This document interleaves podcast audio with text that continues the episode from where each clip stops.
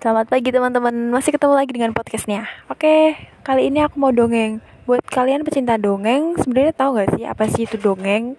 Kalau belum tahu, sini dengerin deh. Jadi, dongeng adalah salah satu cerita rakyat yang cukup beragam Cakupnya serta berasal dari berbagai kelompok etnis, masyarakat, atau daerah tertentu di berbagai belahan dunia. Kalian suka baca dongeng yang berjudul apa sih? Kan banyak tuh. Tapi kali ini aku mau uh, menceritakan kisah tikus dan singa yang mengajarkan kebaikan. Dengerin ya. Cerita tikus dan singa bisa mama cerita anak yang dapat mengajarkan kebaikan sejak dini. Diceritakan bahwa seorang tikus yang menjeli singa dikala sedang menikmati tidur siang, sontak membuat singa tersebut marah dan ingin memakan sang tikus karena merasa terganggu. Sambil meringis ketakutan, tikus pun memohon kepada singa untuk melepaskannya dan memaafkan kejahilan yang ia perbuat.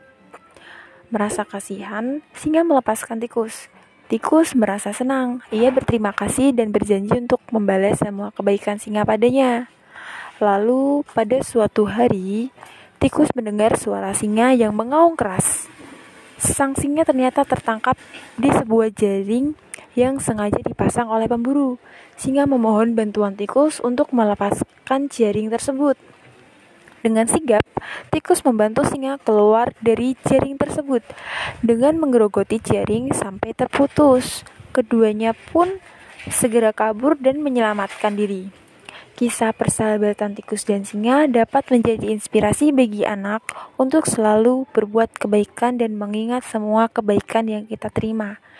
Oke, Sekian, ini dongeng dari kisah tikus dan singa yang mengajarkan kebaikan. Dari sini kita bisa ngambil hikmahnya.